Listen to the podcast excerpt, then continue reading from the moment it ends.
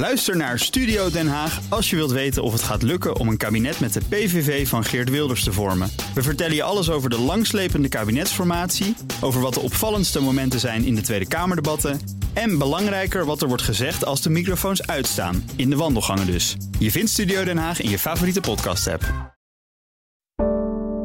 Een goedemorgen van het FD. Ik ben Paulien Suster en het is vrijdag 2 februari.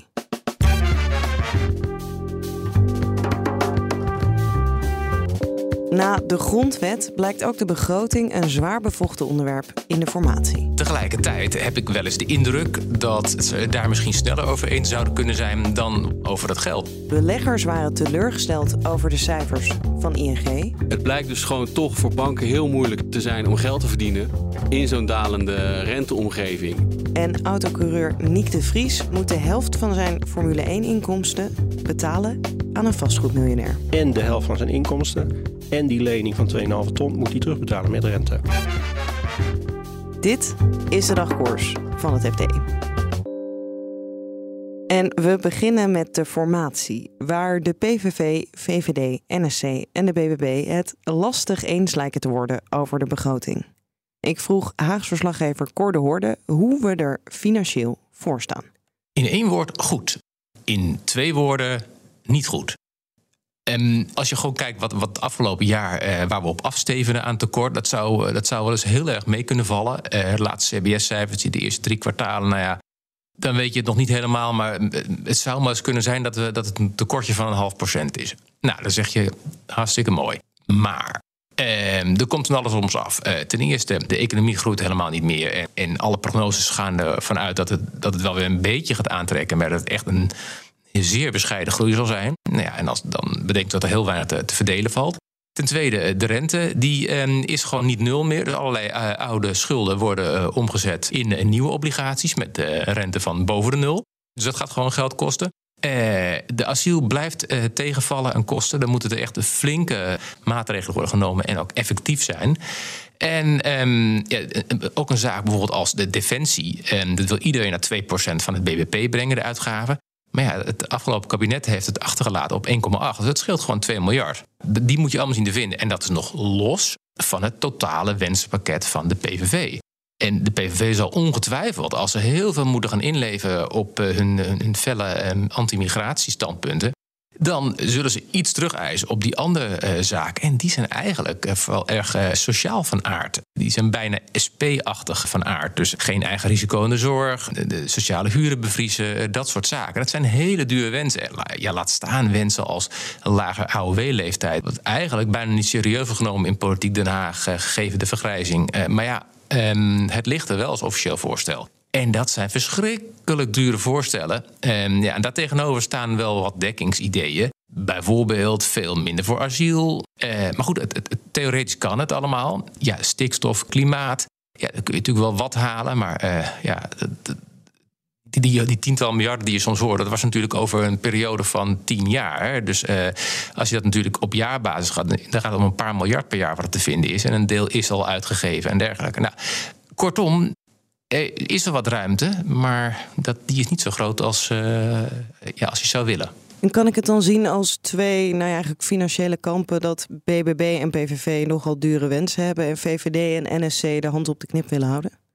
Ja, dat is een goede samenvatting. En nog beter is om te zeggen dat met name de VVD, vermoedelijk ook de NSC, alleen die is nog zo jong, daar weten we niet helemaal nauwkeurig. Vooral de VVD wil wel financiële degelijkheid. Die wil gewoon een nette begroting achterlaten. Dus met een uh, geprojecteerd tekort dat ruim onder de 3% ligt, zodat je nog je een tegenvalletje kan hebben. Dat soort zaken wat je gewoon merkt, ook in het openbaar debat al, eh, daar is de PVV helemaal niet zo'n groot voorstander van. Hè. Bijvoorbeeld een groepje topambtenaren zei, nou je moet werken naar een tekort van 2% in 2028. En toen was er een, een vraag vanuit de PVV van, hey, kan het die 2,5 zijn? Nou, technisch kan dat natuurlijk, hè, dat is helemaal niet verboden. Alleen ja, dan geef je wel je bufferruimte op. Dus je ziet dat men veel minder met het begrip financiële degelijkheid dan bij de VVD. Bedenk ook dit naar, de, naar het gevoel van de PVV was het het afgelopen jaar. Klots het geld tegen de plinten en, eh, en kon het niet op. En allemaal geld naar klimaat en andere linkse hobby's. En nu zijn zij eindelijk aan de beurt om te regeren. En dan blijkt het geld op te zijn. Nou, dat, eh, ja, het lijkt wel of ze het niet helemaal geloven. Daar komt het eigenlijk een beetje op neer. Hoe komen we hier dan uit, Cor? of niet, of met een compromis en een tussenweg zoals het altijd in Nederland gaat. En ja, dat is gewoon heel erg moeilijk. Kijk, um, uh, je zit eigenlijk met, met, met drie punten. Je hebt financiële degelijkheid, wens. Je hebt een, een wens uh, vanuit, de, vanuit omzicht om niet uh, al te mal te doen met, met migratie en, en dat soort grondrechtachtige zaken. En mensen in de PVV om dure sociale dingen te doen. Kijk, als je alleen de PVV en de VVD hebt, dan zou je misschien zeggen keihard op migratie. En in ruil daarvan moet PVV wat sociale wensen laten vallen. Maar dan zal je weer omzicht niet meekrijgen. Dus daar zit je een beetje. Ja, die dans wordt nu uh, uitgevoerd.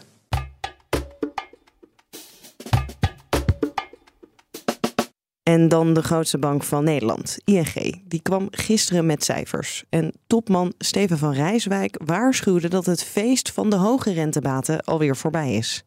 Dat viel niet echt lekker bij beleggers, vertelt bankenredacteur Matthijs Rotteveel. Nee, die viel niet lekker inderdaad. Er was een koersdaling ochtends van tegen de 10%. Gedurende de dag werd het ietsje minder, maar wel echt een forse koersdaling. Vooralsnog de grootste koersdaling sinds maart vorig jaar. Dus uh, dat viel niet goed. Kon toch niet een enorme verrassing zijn dat, nou ja, de, we zien al een tijdje aankomen dat misschien de rente weer omlaag gaat? We verwachten dat dat gaat gebeuren en ongeveer de hele financiële markt verwacht dat dat gaat gebeuren. De centrale banken hebben het uit en ten aangekondigd. Dus daar kan de verrassing niet vandaan komen. De verrassing kan wel komen van het feit dat dat direct zoveel impact heeft op de bank. Dus dat de marges direct veel dunner worden. En wellicht ook dat de beleggers niet overtuigd zijn van de scenario's die daar dan op gebouwd worden. Van als die marges minder worden, wat gaan we dan doen? En dat verhaal moet natuurlijk dan overtuigend zijn als je die vaste inkomstenstroom uit de rente weg ziet vallen. Ja, wat gaat er dan gebeuren? En hadden ze dan bijvoorbeeld verwacht dat er dan bezuinigingen zouden komen? Of? Wellicht, inderdaad, bezuinigingen. Deutsche Bank uh, kondigt donderdag op dezelfde dag uh, duizenden ontslagen aan.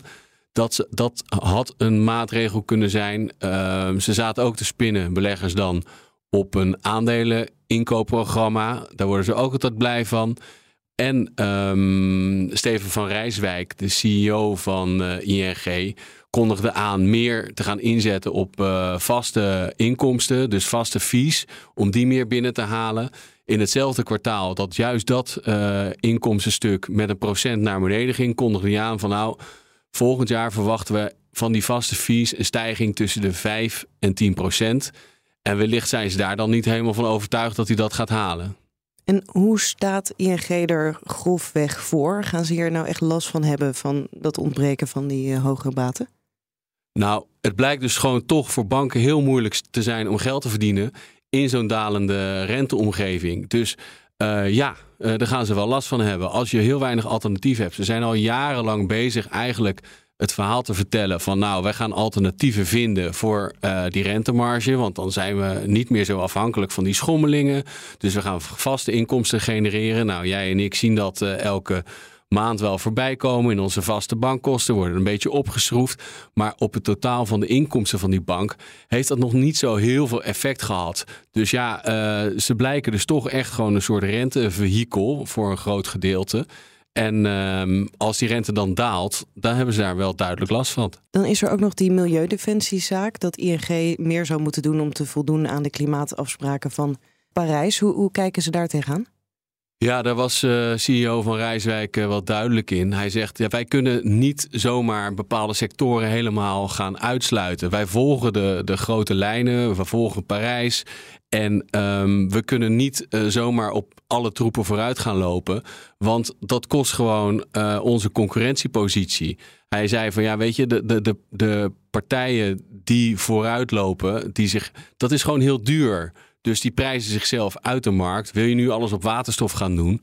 Dan prijs je jezelf uit de markt, dan ga je failliet. Dus hij wees eigenlijk naar de overheden. Die moeten een bepaalde datum stellen dan en dan moet alles uh, uh, duurzaam zijn, moet alles CO2-neutraal zijn. En dan kan iedereen in één keer tegelijkertijd meebewegen. Dan heb je een eerlijke markt en dan zorgen ervoor dat dat allemaal gaat gebeuren. Ja, dat was, dat was zijn verhaal. En tot slot slecht nieuws voor autocoureur Nick de Vries. Die moet de helft van zijn inkomen als Formule 1-rijder afstaan aan vastgoedondernemer Jeroen Schothorst. Waarom de Amsterdamse rechter dat oordeelde, hoor je zo van onderzoeksjournalist Bart Mos. Maar eerst, hoe komt een vastgoedmiljonair bij een autocoureur uit? Die race zelf ook, uh, Jeroen Schothorst, en zijn zoon ook. En zo kwamen ze elkaar tegen uh, op alle, allerlei circuits over de wereld. En dan gingen ze samen wel eens lunchen of dineren. En toen kwam het gesprek op het tekort wat uh, Niek de Vries had, 2,5 ton, om in te kunnen stappen bij Formule 2. En nou ja, Jeroen Schothorst, ik mag hem geen miljonair noemen, maar die heeft dus geld. En um, die was bereid om dat te lenen aan uh, Niek. En wat was toen de afspraak over die 2,5 ton? Jeroen Schothorst leende 2,5 ton aan Niek de Vries. Onder de voorwaarde dat hij, als hij voor 2023 Formule 1 activiteiten zou uh, gaan ontplooien, dan moest hij de helft van die Formule 1 uh, verdiensten afdragen aan uh, Schothorst. Mocht hij nou voor 2023 niet Formule 1 activiteiten realiseren, dan werd die lening kwijtgescholden. Ja, en dus stel dat Nick de Vries groot zou worden in de Formule 1, dan uh, kreeg die vastgoedmiljonair flink wat inkomsten en anders, nou ja, dan was het geld uh, weg, ook prima. Ja, daar komt het op neer. En waar was er dan nu precies gesteggel over? Want uiteindelijk, uh, ja, ik zit niet zo heel goed in de Formule 1, maar volgens mij heeft hij pas na in 23 heeft hij echt een vast plekje gekregen.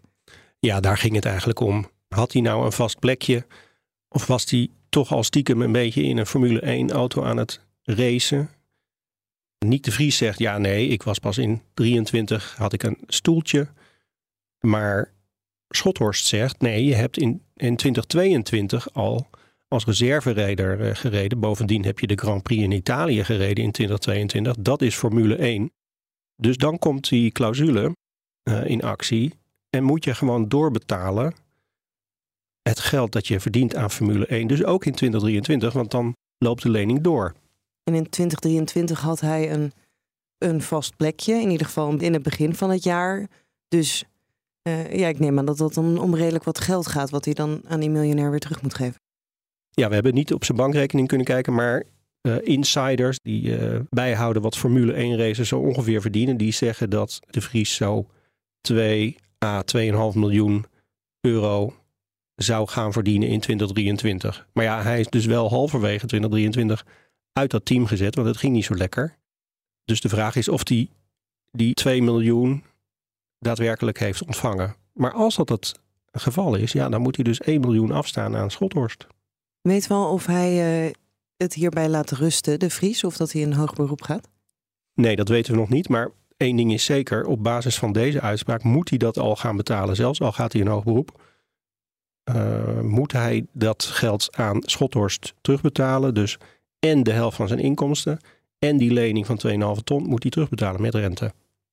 En hoe kijkt uh, Schothorst tegen zijn, uh, nou ja, in ieder geval voorlopige overwinning?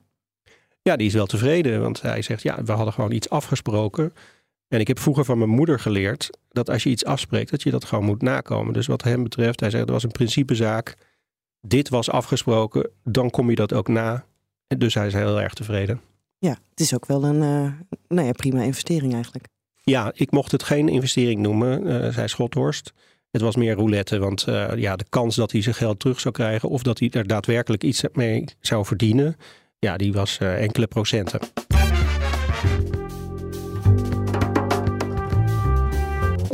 Dit was de dagkoers van het FD. Wil je onze verhalen niet alleen luisteren, maar ook lezen? Probeer dan het FD vier weken voor slechts 1 euro. Ga naar fd.nl/slash dagkoers en meld je aan. Morgen verschijnt in deze feed de eerste aflevering van het tweede seizoen van onze economiepodcast Toegevoegde Waarde. De vraag die centraal staat is: kunnen we het woningtekort eigenlijk oplossen? Maandagochtend is er weer een nieuwe aflevering van Dagkoers. Alvast een heel fijn weekend en graag tot maandag. Ook Thomas van Zeil vind je in de BNR-app. Je kunt live naar mij luisteren in Zaken doen. De BNR-app met breaking news, het laatste zakelijke nieuws... en je vindt er alle BNR-podcasts, bijvoorbeeld Het Nieuwe Geld. Download nu de gratis BNR-app en blijf scherp.